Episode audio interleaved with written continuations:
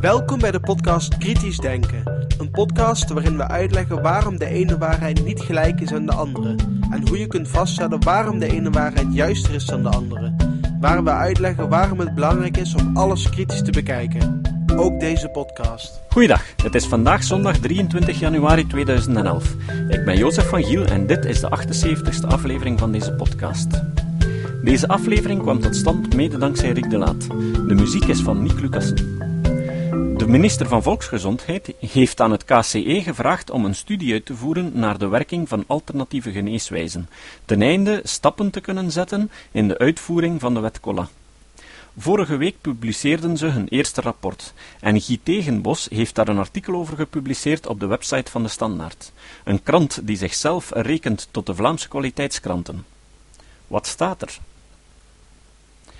Goed nieuws voor kraker en osteopaat. Chiropractie en osteopathie werken bij nekpijn en lage rugpijn. Door Guy Tegenbos. Van osteopathie en chiropractie en hun manuele therapieën is bewezen dat ze werken bij twee aandoeningen: nekpijn en lage rugpijn. De overheid moet goed opgeleide beoefenaars erkennen om patiënten een kwaliteitsgarantie te geven. De rest van het artikel kan je lezen op de website van de krant. Ik heb een link voorzien op de notities van deze aflevering. Net als verschillende andere sceptische vrienden vond ik dit bericht nogal merkwaardig. Wat doet een goede scepticus op dat moment?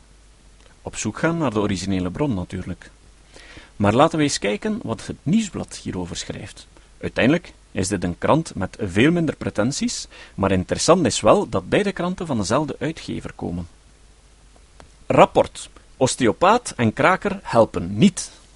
Bijna 9 op 10 mensen die een osteopaat of een chiropractor, een kraker, bezoeken, zijn tevreden over de behandeling. Maar een nieuwe studie wijst uit dat de geneeswijzen alleen helpen bij nek- en lage rugpijn en dus niet terugbetaald moeten worden. Omdat ongeveer 1000 osteopaten en 110 chiropractors in België al jaren uit het hoekje van de alternatieve geneeswijzen weg willen, heeft minister van Volksgezondheid Lorette Onkelings van de PS een rapport laten opstellen. Het Federaal Kenniscentrum voor Gezondheidszorg, of KCE, werd gevraagd een stand van zaken over deze geneeswijze op te maken. Daarin krijgen de therapeuten echter een slecht rapport.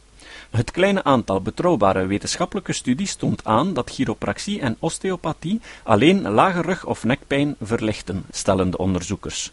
Voor alle andere klachten, zoals chronische vermoeidheid, astma of reflux bij baby's, is niet bewezen dat de therapieën werken. Daarom beveelt het KCE hun terugbetaling door de ziekteverzekering niet aan. Snel geholpen. Meer nog, het KCE spreekt van een risico op ernstige en zelfs levensbedreigende complicaties, vooral bij het manipuleren van de hals. Na de behandeling doen zich in 30 tot 60 procent van de gevallen ongewenste neveneffecten, zoals hoofdpijn of een tijdelijke verergering van de pijn, voor. Nochtans blijkt uit het rapport ook dat bijna 9 op 10 patiënten tevreden zijn over de verstrekte zorgen. De gebruikers van chiropractie waarderen ook dat ze vaak snel worden geholpen, staat er. Het risico bij alternatieve geneeswijzen is dat de patiënten geen objectieve diagnose krijgen en niet altijd doorverwezen worden naar therapieën die wel een bewezen werking hebben, zegt experte Anja de Somer van het KCE. Er moet dus communicatie zijn met de behandelende arts. Die moet weten dat zijn patiënt ook een osteopaat of chiropractor bezoekt. We hebben geen argumenten gevonden om aan te raden dat de ziekteverzekering de behandeling moet terugbetalen. We pleiten wel voor een controle op de opleiding en voor een officiële registratie van de complicaties. De rest van het artikel kan je op de website van deze krant lezen. Deze link vind je ook op de notities van deze aflevering. Toch eigenaardig dat de twee kranten, die dan nog van dezelfde uitgever komen, tegengestelde besluiten rapporteren, op basis van hetzelfde rapport van de experten. Nu, Guy Tegenbos is een politiek journalist en geen wetenschapsjournalist. Het zou dus wel eens kunnen dat politieke journalisten niet in staat zijn om objectieve rapporten correct te interpreteren. Laten we nu eens naar de website van het KCE gaan en kijken wat ze echt geschreven hebben. Op die website vind je een lijvig rapport waar alle details van het onderzoek beschreven staan, met inbegrip van een bijlage. Er zit ook een synthese bij, die toch nog 36 bladzijden telt. Maar gelukkig is er ook een eigen persbericht. Wat staat daarin? Osteopathie en chiropractie, dubbelpunt, Werkzaamheid alleen bewezen bij nek- en lage rugpijn. Toch is 90% van de patiënten tevreden. Meer dan 1 op 3 Belgen raadpleegt minstens één keer in zijn leven een chiropractor, homeopaat, acupuncturist of osteopaat. In het kader van de verdere uitvoering van de wet COLA vroeg de minister van Volksgezondheid het Federaal Kenniscentrum voor Gezondheidszorg, KCE, een stand van zaken op te maken van deze populaire niet-conventionele geneeswijze. Dit zorgde voor een Belgische primeur. In dit eerste rapport bestudeerde het KCE osteopathie en chiropraxie tegelijkertijd vanuit een wetenschappelijke, sociologische, juridische en organisatorische invalshoek. Het afgelopen jaar bezochten 7% van de volwassen Belgen een osteopaat en 2% een chiropractor, vooral voor spier- en gewrichtsklachten. Bijna 9 op de 10 ondervraagde bezoekers blijkt tevreden te zijn over de verstrekte zorgen. Toch is alleen voor lage rug- of nekpijn wetenschappelijk bewezen dat de manipulaties de pijn kunnen verlichten. Bovendien is er, vooral bij manipulaties van de hals, een risico op ernstige complicaties. Het KCE pleit voor een strikte controle van de opleiding en een registratie van de complicaties. Duizend osteopaten en 110 chiropractors, vooral voor spieren en gewrichten. Er zijn in België ongeveer 1000 osteopaten en 110 chiropractors die lid zijn van een beroepsvereniging. De meerderheid, bijna 60% van de osteopaten en bijna 80% van de chiropractors, is gevestigd in Vlaanderen. Het afgelopen jaar bezocht 7% van de volwassen Belgen een osteopaat en 2% een chiropractor, vooral voor spier- en gewrichtsklachten. Osteopaten behandelen ook huilbaby's en baby's met refluxproblemen. De patiënten gebruiken de niet-conventionele therapie vaak als aanvulling op hun klassieke behandeling, voornamelijk op basis van mond-tot-mond reclame. Werking alleen bewezen voor verlichting van lage rug- of nekpijn. Het kleine aantal betrouwbare wetenschappelijke studies toont aan dat chiropraxie en osteopathie alleen lage rug- of nekpijn verlichten. Voor andere klachten, zoals chronisch vermoeidheid, astma of reflux bij baby's, is niet bewezen dat de therapieën werken. Daarom beveelt het KCE hun terugbetaling door de ziekteverzekering niet aan. Toch blijkt bijna 9 op de 10 van de ondervraagden vertrouwen te hebben in zijn therapeut en tevreden te zijn over de verstrekte zorgen. De gebruikers van chiropraxie waarderen ook dat ze vaak snel worden geholpen. Risico's. Na de behandeling doen zich vaak, in 30 tot 60 procent van de gevallen, milde ongewenste neveneffecten zoals hoofdpijn of een tijdelijke verergering van de pijn voor. Er is ook risico op zware en zelfs levensbedreigende complicaties, vooral bij de manipulatie van de hals. Hoe vaak deze ernstige incidenten voorkomen, konden de onderzoekers niet achterhalen. Het KCE beveelt aan om alle complicaties te registreren. Als men zich beperkt tot een niet-conventioneel therapeut, is er ook het risico dat bij een ernstig probleem de diagnose niet of laat wordt gesteld en dat de klassieke medische behandeling niet of laat wordt opgestart. Opleidingen niet officieel gecontroleerd.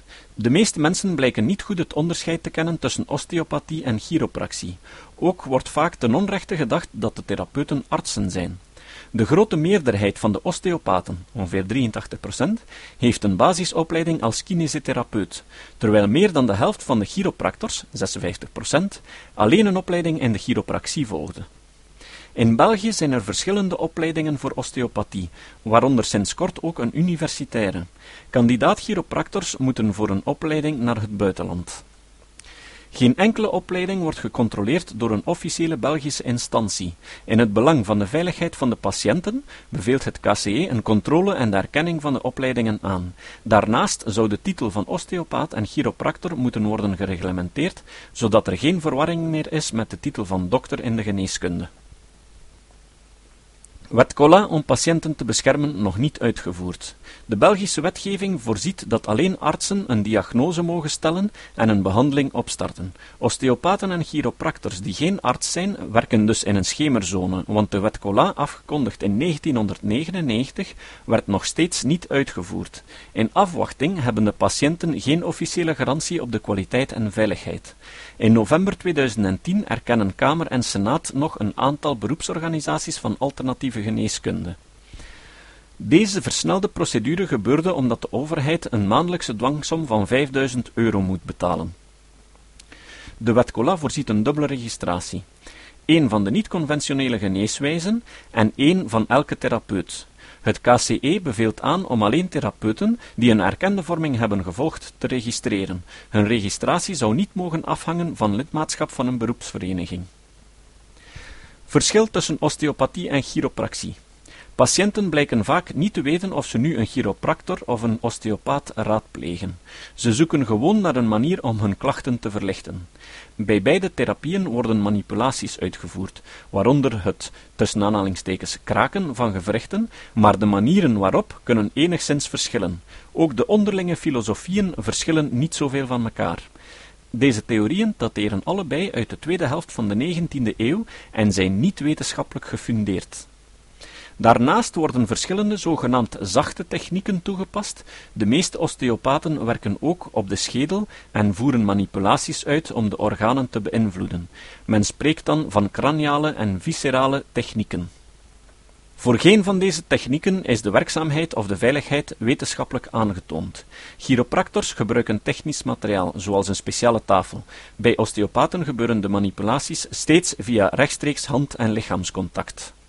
Tussen osteopaten onderling bestaan er ook nog verschillen. Ze hebben betrekking op het belang dat aan de basisfilosofie wordt gehecht en op de plaats die de craniale viscerale technieken in de behandeling innemen. Voor meer uitleg over chiropractie, osteopathie en hun geschiedenis, zie de synthese in het rapport. Het rapport is beschikbaar op de website van het KCE. Op de notities van deze aflevering kan u de link vinden. Opmerkelijk toch dat een gewone, populaire krant erin slaagt om zo'n onderzoeksrapport nauwkeurig weer te geven, terwijl een zogenaamde kwaliteitskrant dat niet kan. Guy Tegenbos heeft blijkbaar één woord uit het originele rapport vergeten, het woord enkel. Dat schijnbaar onbelangrijke woord weglaten geeft de tekst een totaal verschillende betekenis. In het rapport staat werkt enkel bij nekpijn en lage rugpijn, terwijl er in de standaard staat werkt bij nekpijn en lage rugpijn. Dat laatste suggereert nu dat er een doorbraak is in het wetenschappelijk onderzoek over de werking van chiropractie en osteopathie, en dat men waarschijnlijk bij volgende onderzoeken nog andere kwalen zal vinden die door deze methoden kunnen genezen worden.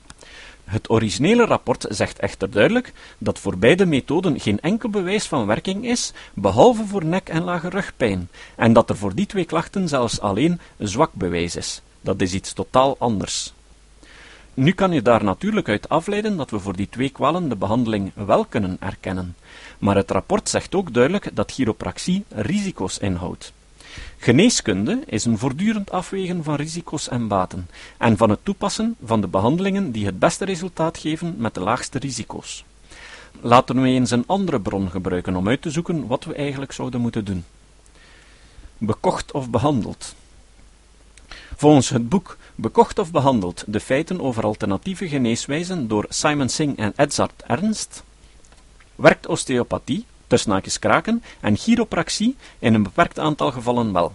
Ze raden wel af chiropractie te kiezen omdat chiropractors aan de nekwervels durven te kraken en dat kan ernstige gevolgen hebben. Osteopathie gebruikt minder kracht bij het uitoefenen van druk en zou helpen bij sommige vormen van rugpijn, wat wel logisch is. Mensen met osteoporose, botkanker en andere aandoeningen die de botten of gewrichten verzwakken, worden osteopathie afgeraden en geven beter de voorkeur aan fysiotherapie. Het probleem met osteopathie is dus vooral dat sommige diverse heilzame effecten claimen die voor osteopathie niet gelden. Denk er ook aan dat pijnbehandelingen met osteopathie alleen maar een symptomatische behandeling is. De onderliggende problemen van je pijn worden dus niet opgelost. En, o ironie, waren het niet juist de alternatieven die de reguliere geneeskunde het label symptomatisch opkleefden? Aangezien de reguliere kinesiotherapie beter werkt dan osteopathie, en aangezien de kinesist je alleen zal behandelen voor zaken waarvoor de kinesiotherapie wordt aangeraden, is het waarschijnlijk de meest wijze keuze. Ga gewoon naar je arts met die klacht, en dan naar de kinesist als de arts vindt dat het nodig is. Maar misschien raadt hij ook een andere behandeling aan maar kies wel als huisarts één onder die 95% van de huisartsen die niet hullen met alternutterij. Het citaat. Het citaat van vandaag komt van Carol Tavris. Carol Tavris is een sociaal psychologe verbonden aan de Universiteit van Michigan. Ze schreef samen met Elliot Aronson het boek Mistakes Were Made, tussen haakjes, but not by me. Of Er werden fouten gemaakt, maar niet door mij. Ik denk dat het nog niet in het Nederlands vertaald is. Ik ben dat boek momenteel aan het lezen, eigenlijk aan het beluisteren. Echt een aanrader. Het behandelt de problematiek van cognitieve dissonantie. Tavris zei: De wetenschappelijke methode bestaat uit het gebruik van procedures die niet ontworpen zijn om aan te tonen dat onze voorspellingen en hypothesen correct zijn, maar wel dat ze wel eens verkeerd zouden kunnen zijn. Wetenschappelijk denken is nuttig voor iedereen in gelijk welke job, omdat het ons de mogelijkheid, of zelfs de naakte waarheid, onder ogen doet zien dat we fout waren.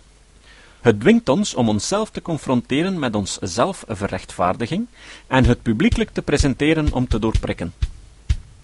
Daarom is wetenschap in essentie een vorm van hoogmoedcontrole. Tot de volgende keer. Dit was de podcast Kritisch Denken. Vergeet niet om alles kritisch te behandelen, ook deze podcast. Voor verdere informatie over deze podcast, links en voor de tekst, surf naar www.kritischdenken.info. Als je deze podcast belangrijk vindt, kun je me steunen door anderen warm te maken ook eens te luisteren. Stuur een e-mail naar vrienden met een link naar de website en plaats de link in de handtekening van je e-mails. Tevens kun je op iTunes deze podcast een beoordeling geven of een recensie schrijven. Of je kan op je eigen website of blog een link naar kritisch denken plaatsen.